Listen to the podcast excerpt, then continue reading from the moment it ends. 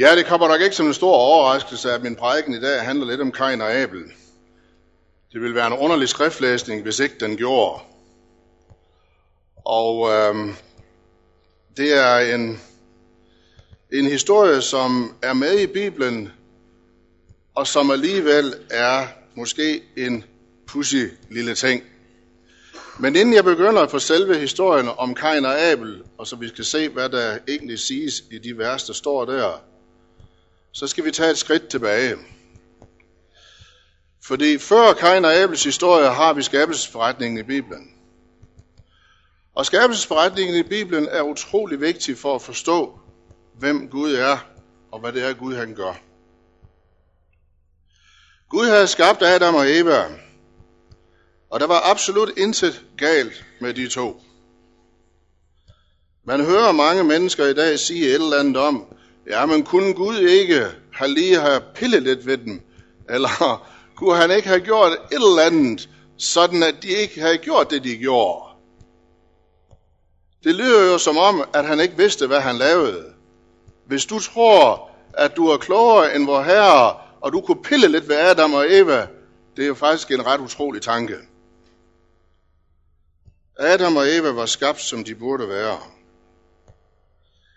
Og vi sidder nogle gange og ærger os over, at der ikke er flere bøger i Bibelen, der handler om, hvordan Adam og Eva var, før de syndede. Der står næsten ingenting. Men jeg vil våge at påstå, at der faktisk er fire bøger i Bibelen, som handler om, hvordan Adam og Eva var, inden de syndede. Og de fire bøger, de hedder Matthæus, Markus, Lukas og Johannes. Hvis du gerne vil vide, hvordan Jesus, eller hvordan Adam var, før han syndede, så læs om Jesus i de fire evangelier. Så tror jeg, du får det bedste billede af ham. Men hvad sker der, da han synder?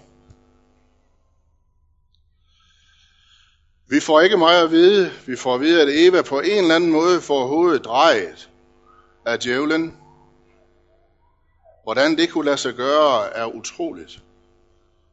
Hvordan hun kunne få sig selv til at tro, at det, som Satan står for, er bedre end det, hvor Herre står for. Hvordan hun kunne blive overbevist om, at den vej, som fanden han gav hende, skulle være en bedre vej, end den, hvor Herre havde givet hende. Det er uforståeligt. Men det lykkes. Og da hun står med frugten i hånden og giver den til Adam, ja, så har vi jo nærmest sådan en eller anden form for Romeo og Julie historie. Fordi der står Adam og kigger på sin hustru, og han ved, hun skal dø. Han ønsker ikke at blive adskilt fra hende. Han tager af frugten, og så må der ske, hvad der ske vil. Og egentlig så står han jo der og vil dø sammen med sin hustru, som et eller andet sted jo er prisværdigt. Men alligevel var det bravende galt, det han laver. Lad os forestille os, at det her det er omkring middagstid. Og så har de cirka 6 timer til, at Gud han plejer at komme i haven. I løbet af de 6 timer er Adam blev den rene djævel.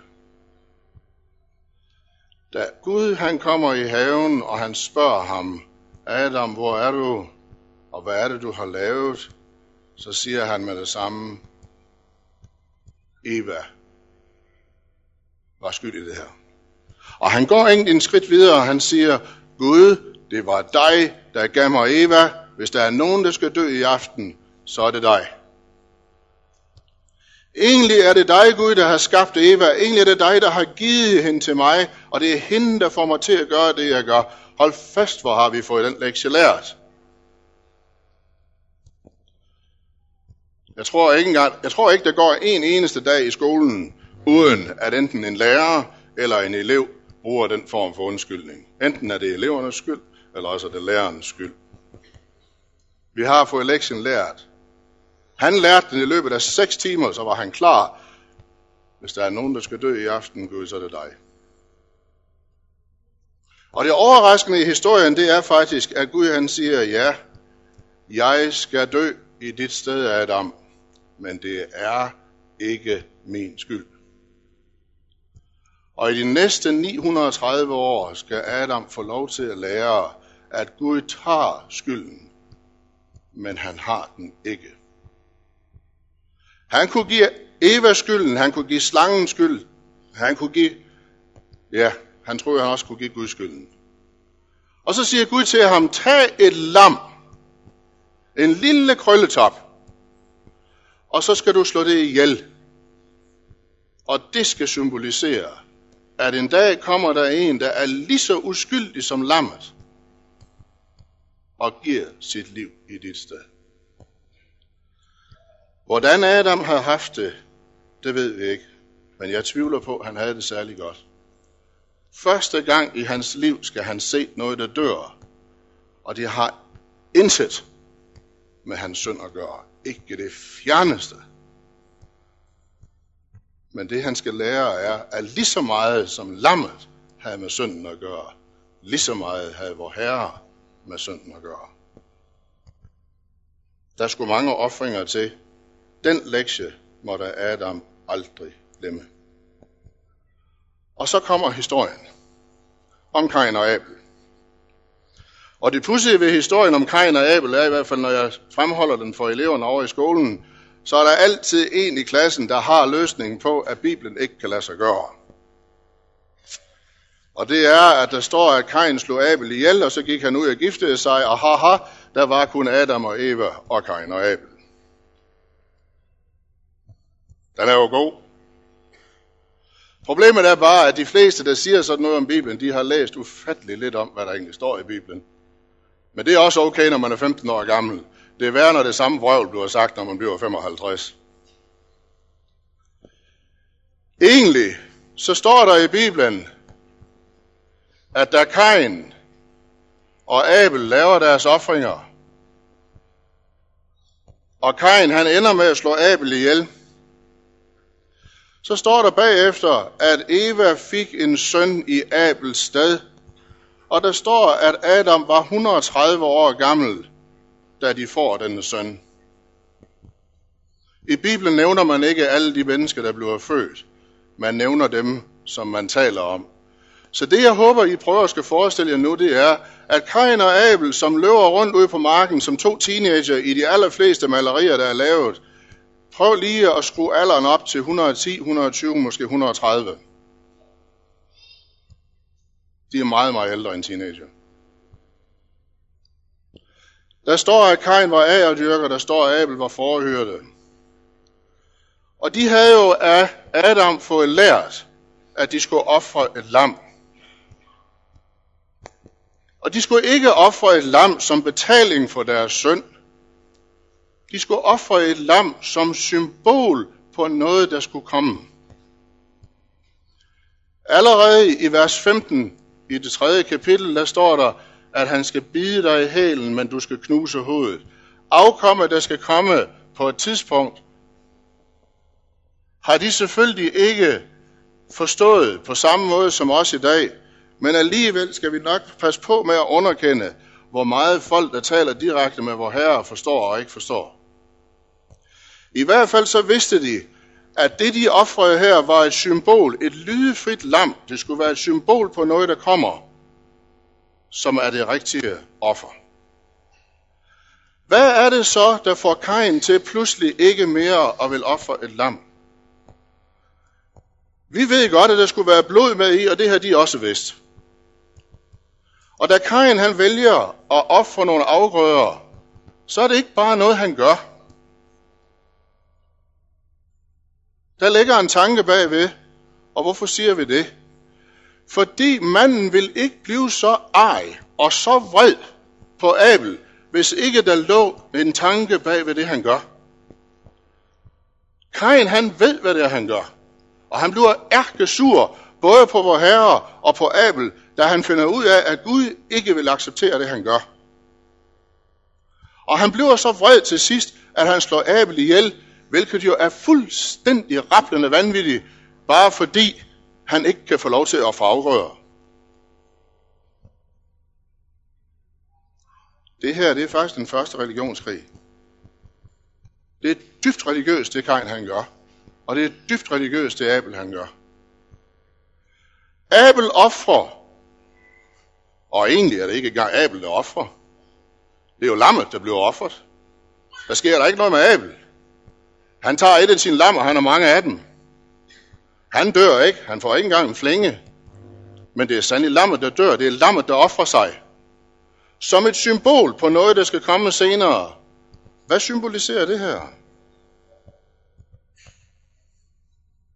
Det symboliserer en tankegang om, at det ikke det er det her, der i sig selv skal betale. Her ligger det første gang retfærdiggørelse ved gerninger.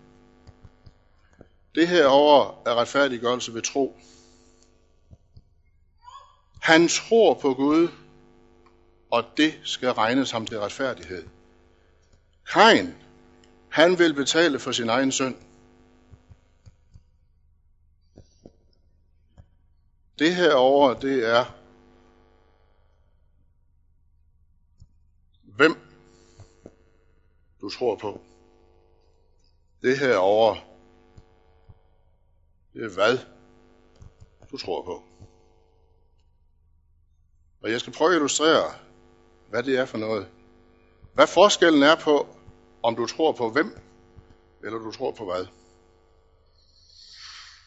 Jeg var sensor i Ejstrupholm for et par år siden, og øh,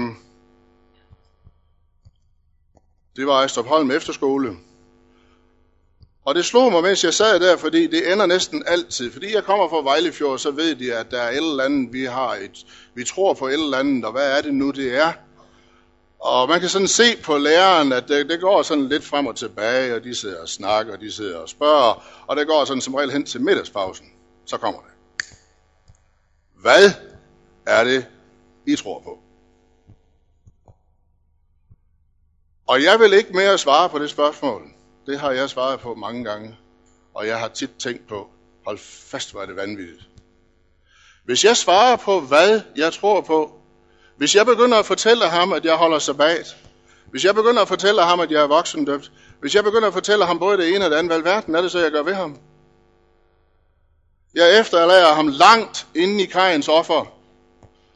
Og han går hjem og tror, at jeg gør det her for at blive frelst. Jeg laver, jeg har adventisterne, eller hvem det nu er, har lavet et afgrødeoffer, som er til her, og det skal de gøre, for at de bliver frelst. Og derfor så er der også nogen, der engang imellem siger, jamen kan I da ikke sådan lige lave et kompromis? Og det kunne man da sagtens. Hvis det handlede om et afgrødeoffer, så var det da lige meget, om det var kartofler eller gulerødder, der lå på alteret, ikke? Det kunne da være lige fedt. Hvis vi løber tør for kartofler, så tager vi gulerødderne. Lad være med at spare på spørgsmålet, Hvad tror du på? Du skal sige, jeg vil gerne svare, men du skal spørge om noget andet. Du skal spørge om, hvem det er, jeg tror på. Og jeg garanterer jer for, at samtalen bliver anderledes.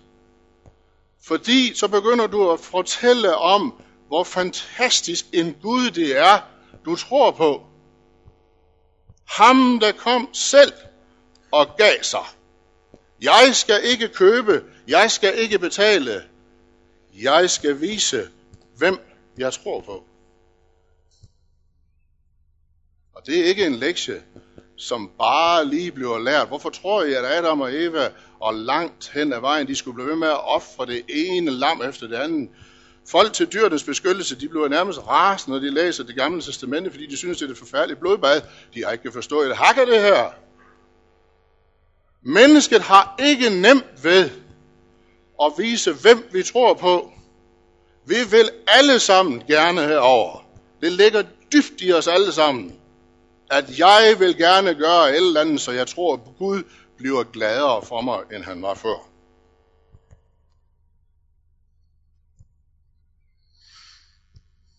Vi har i sabbatskolektien i øjeblikket om Abraham. Og en af de historier, som er fantastiske i den her sammenhæng, det er jo Abraham og Isak. Abraham har fået Isak.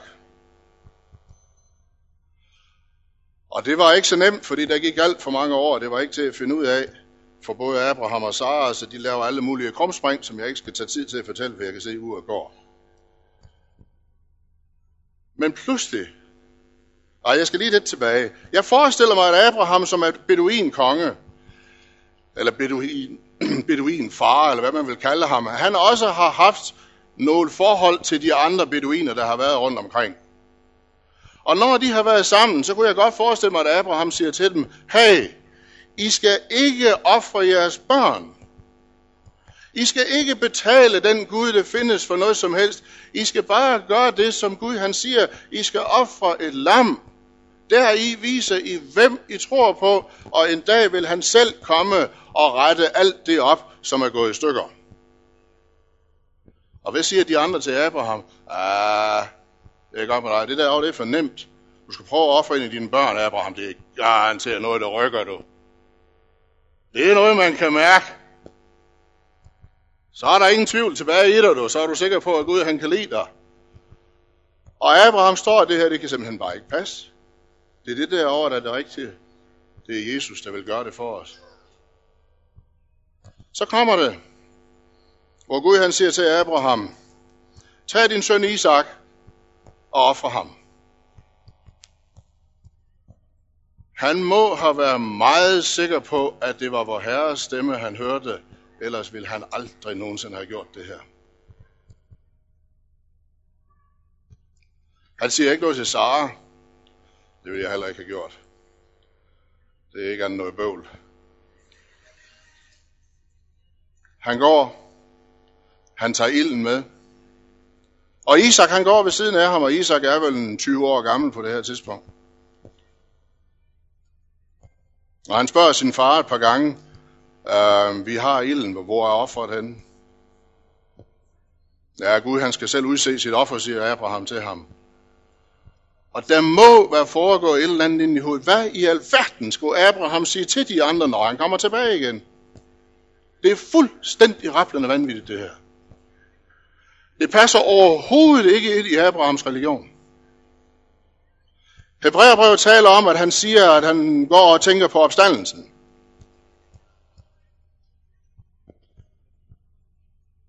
Men det er ikke bare opstandelsens tanken. Hvad vil han sige, når han kommer tilbage? Det er ikke sådan en Gud, jeg tilbeder. Han kommer til alderet, og han fortæller Isak, at det er Isak, der er offringen. Og vi fremhæver altid Abraham i den sammenhæng. Jeg vil gerne i dag fremhæve Isak. Det var sandelig ham, der skulle dø. Og han var 20 år gammel, hans far var 120, han kunne sagtens have sagt til ham, din gamle nar, hvis der er nogen, der skal dø i dag, så bliver det dig, og ikke mig. Han lægger sig op på alderet. Abraham trækker kniven, og Gud siger stop. Og så siger han til ham, vend dig om, Abraham, og kig, og der står der en bedre. Det var ikke engang Abrahams. Hvor meget kostede væderen Abraham?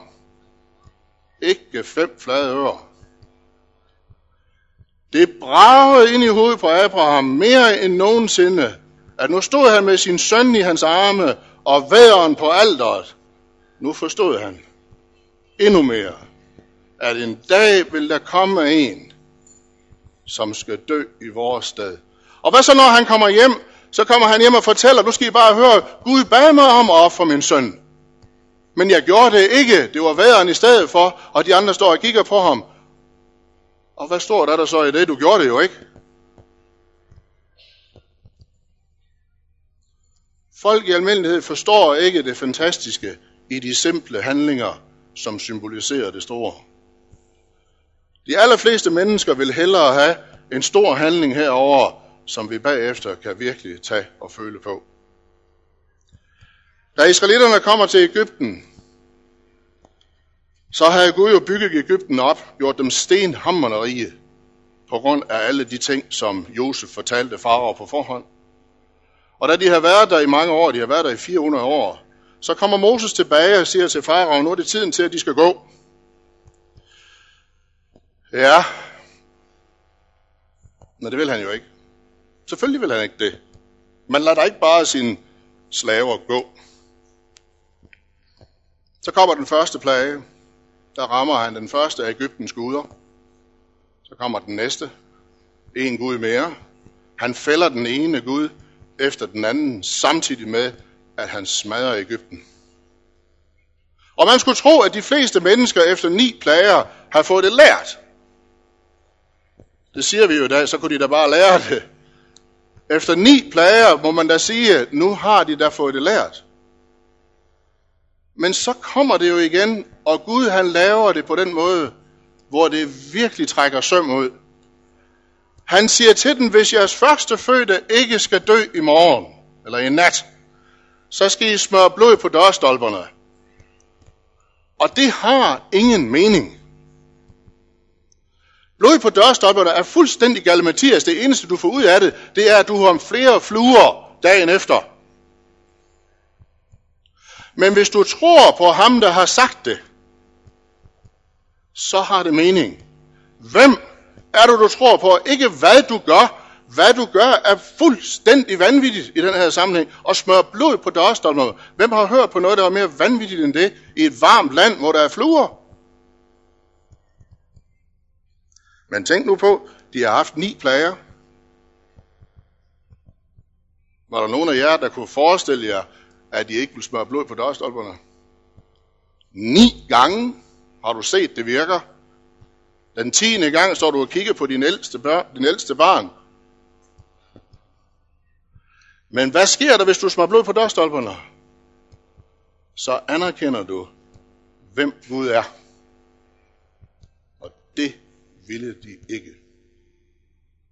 Der var nogen, der gjorde det. Israelitterne gjorde det. Der var også nogle af Ægypterne, der gjorde det. De har alligevel fået det lært. Og de blev også sparket ud dagen efter. I den her handler det ikke om, hvad de gjorde. Handlingen var vigtigt. Men det var sandelig, hvem de troede på, der var vigtigt. De kommer ud i ørkenen, israelitterne, og de er faktisk ret trætte af det, de får at spise. Og det kan eleverne jo sætte sig ind i. En hver efterskole har jo problemer med at fodre børn, som skal være, skal være tilfredse med maden. Men det her, det var lidt værre end det. De sidder faktisk og forbander Gud samtidig med, at de skal spise den mad, som Gud han giver dem hver dag.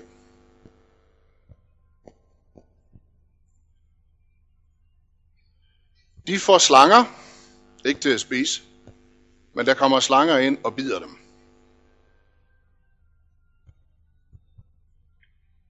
Det er ikke særlig pænt gjort. Men Gud han gør som regel ikke noget, der er så vanvittigt, uden at han også gør noget, der kan redde dem.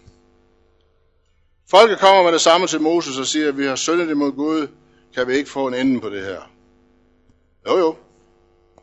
Du laver en koverslange. I har alle sammen set den på apotekerposerne.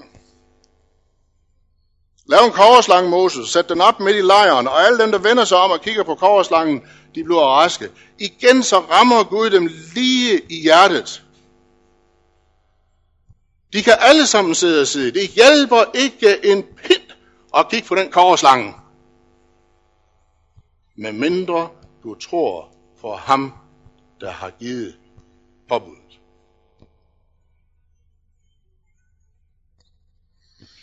Der var 3.000, der ikke vendte sig om at kigge på korslangen. De er døde. Det er utroligt, at man vil dø, er der ikke? Der laver sådan en simpel løsning, der står en korslange midt i. Alle naturvidenskabsmænd, de vil være døde den dag. Det har ingen mening at kigge på den, medmindre du tror på Gud i himlen. Hvad har vi så i dag?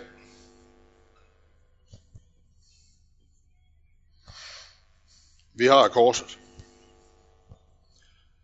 Og jeg ved ikke, hvor mange gange jeg har hørt folk sige, at det er fuldstændig rapplende vanvittigt, det som Jesus han gør på korset. Det har ingen mening. Nej, ikke hvis ikke du tror på ham. Hvis du tror på det, han gjorde på korset, så er det et spørgsmål om liv eller død for dig som menneske. Gud har sagt til os, hvis ikke du lærer at tro på det, der hænger på korset, så dør du. Kan man forestille sig i dag, at der er nogen, der ikke vil vende sig om og kigge på korset og finde ud af, hvem der hænger der? Ja, vi er ikke blevet klogere, end de var i det gamle testamente. Det er fuldstændig rapplende vanvittigt i dag at stå og påstå, at du kan leve uden. Vi ved jo, vi dør. Hvor er jeres tipoldeforældre henne? Hvor er jeres oldeforældre henne? De er døde. Måske. Tip, tip, så er jeg i hvert fald gået langt nok tilbage. Vi ved, vi dør. Hvorfor i alverden vender vi os ikke om og kigger på det, der har lovet os livet? Du må vel ikke påstå, at vi som mennesker i dag kan være lige så tåbelige, som de var med blod på dørstolperne og med slangen i ørkenen.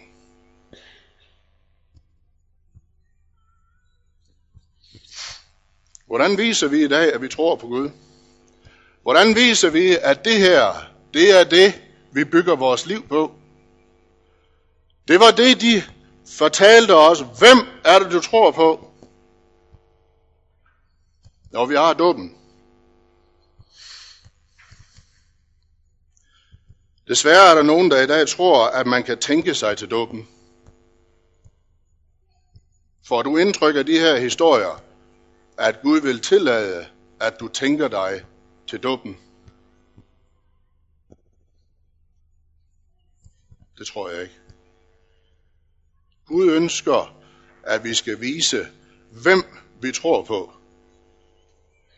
Og fakta er, at vi alle sammen har en tendens og en lyst til at vil lave vores egen pakke sammen. Det kan godt ske, du siger noget, Gud, men jeg synes nu, at det, jeg har sat sammen, kan være bedre. Pas på med, hvad vi gør.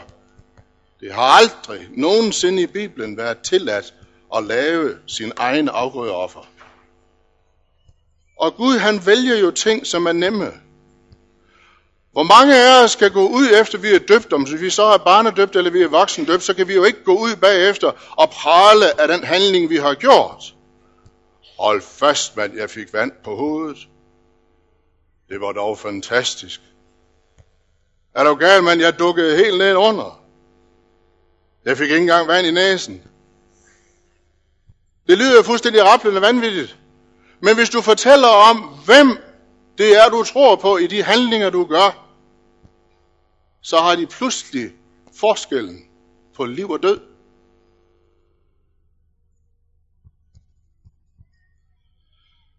Nadvåren. Har du nogensinde tænkt på, hvad det er, du gør? Du sidder der med et lille firkantet stykke brød, og så sidder du med lidt druesaft ved siden af, og hvis du er heldig, så når du at smage det, inden det forsvinder. Kan du gå ud af kirken bagefter og prale af, hvad du har gjort? Jeg har spist et firkantet stykke brød, og jeg har drukket noget druesaft. Men du kan bagefter gå ud og fortælle om, hvem det er, de symboliserer, disse handlinger. De symboliserer forskellen på liv og død. Som adventister har vi også valgt at have fodtvætning.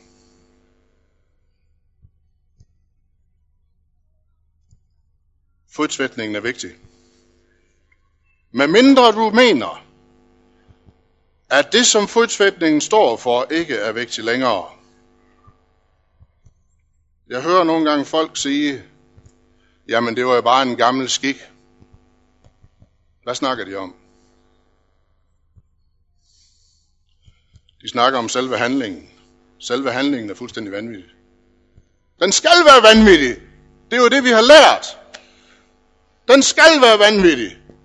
Jeg hørte engang om nogen nede i Afrika, de gik ud og stak deres tæer i muldvarpeskud, eller hvad det var, de havde dernede, så tæerne blev rigtig godt kulsort og beskidte. Så kunne de komme ind og vaske dem bagefter. Og så synes de, at den havde mening. Hvad havde for en mening havde den? Den havde Kajens mening. Frydsfætningen står for, at du og jeg skal blive mindet om den ene gang efter den anden, at der findes ikke nogen, der er større end de andre. Hvis du mener, at det ikke er nødvendigt længere, så er det okay. Egentlig, da Jesus dør på korset, der viser han os, at han regner ikke engang sit liv for mere værd end dit og mit. Når vi tvætter hinandens fødder, så er det jo ikke fordi, vi skal gøre dem rene.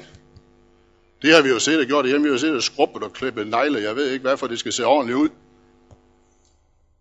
Men det, det symboliserer, har sandelig stadigvæk mening i allerhøjeste grad. Og tak fordi, at du synes, at selve handlingen ikke har mening. Det er jeg glad for at høre. Så er du ved at komme væk fra Kains offer og er klar til at tage del over i Abels. Hvor kan vi ellers vise Gud, hvem vi tror på, hvor handlingerne er nogle pudsige nogen? Hvad Gud har bedt os om at holde en hviledag. Det er jo faktisk ret utroligt, at Gud skal bede os om at holde en dag fri om ugen. Jeg kan da i hvert fald huske, når man siger til eleverne, I er fri i næste time, så er der ikke ret mange, der siger, ej, det var da alligevel også ærgerligt.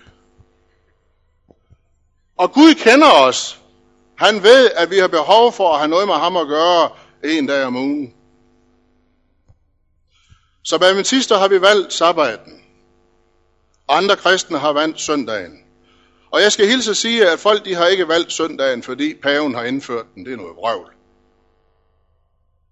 Men lad den side ligge. Hvorfor har vi valgt at holde sabbaten? Fordi Gud har sagt det. Så er der nogen, der begynder at lave statistiske undersøgelser, om ikke nu også solen skinner flere gange om lørdagen end om søndagen. Hvorfor vil man have sådan noget? Fordi vi bund og grund er kajens efterkommer hele bundet. Vi vil gerne have en grund til, at Gud har valgt den ene dag frem for den anden. Og det eneste Gud siger, det er, vis hvem det er, du tror på, og handlingen er egentlig, ja, vi har lært det, jeg behøver ikke sige det mere. Så er der nogen, der synes, at lørdagen skal være sådan en dag, hvor man virkelig plager sine medmennesker. Og jo mere man plager sig selv, jo bedre er det. Og så laver man simpelthen så mange forbandede regler, at det er ikke til at holde det ud. Det gjorde farisæerne også, og Jesus han havde en hæstlig masse vrøvl med dem. Det betyder ikke, at sabbaten er en fridag. Sabbaten er en helligdag. Hvordan du gør den til en helligdag, det må du finde ud af. Men hvis du gør den til en plage, så er du herover.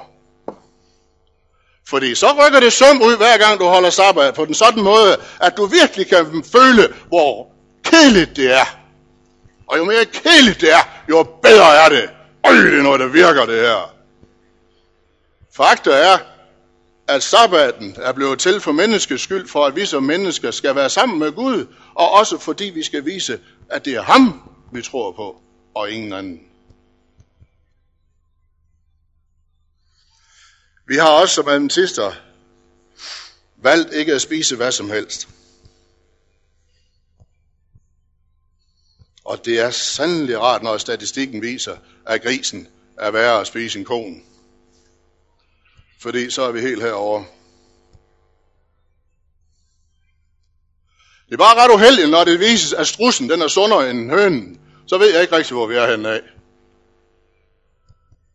Det er også det er ærgerligt sådan noget. Fordi jeg elsker Kajens offer. Der kan, jeg få, der kan jeg fortælle folk, at jeg gør det på grund af. Du skal ikke fortælle folk, du gør det på grund af. Du skal fortælle Gud, du skal fortælle menneskene, hvem det er, du tror på. Og Gud har givet os anledninger nok til at fortælle om, hvem vi tror på. Vi skal ikke i vores liv lave et perfekt offer. Det kan vi jo lade dem, der er medlem af vores første grundvold om. De er langt ind i Kains offer. Deres liv skal være et perfekt offer. Nej, vores liv skal være et vidnesbyrd om, hvem vi tror på. Det perfekte offer, det tog Jesus sig selv af. Vi skal vidne om, hvem vi tror på. Det er vigtigt. Og hvor er det dog fantastisk, at Gud har lige præcis valgt nogle områder, hvor vi som mennesker ikke kan prale. Fordi hvor har vi dog lyst til det? Kain gik sin egen vej. Han havde sine grunde. Vi kender dem ikke. Men hvis du begynder at tage noget af det, som Gud har vist os, og siger, jeg tror, der er noget andet, der er lige så godt, så lægger du vægt på gerningen og ikke på troen. Lad os bede sammen. Hvorfor i himlen, vi siger dig tak. Fordi du ikke har bedt os om det umulige at kravle op ad Mount Everest, eller sætte pigge i ryggen, eller hvad det nu kan være, vi mennesker kan finde på. Men at du har bedt os om simple handlinger, som i sig selv er gale, men de symbolske værdier i dem er livet. De minder om dig, du er opstandelsen, du er vejen, du er livet. Og alle disse fantastiske symboler minder os om, at det er dig, det handler om først og fremmest. Hjælp os til at vidne om, at vi har valgt dig som vor Gud, vor frelser og også vor Herre. Det beder vi om i Jesu navn. Amen.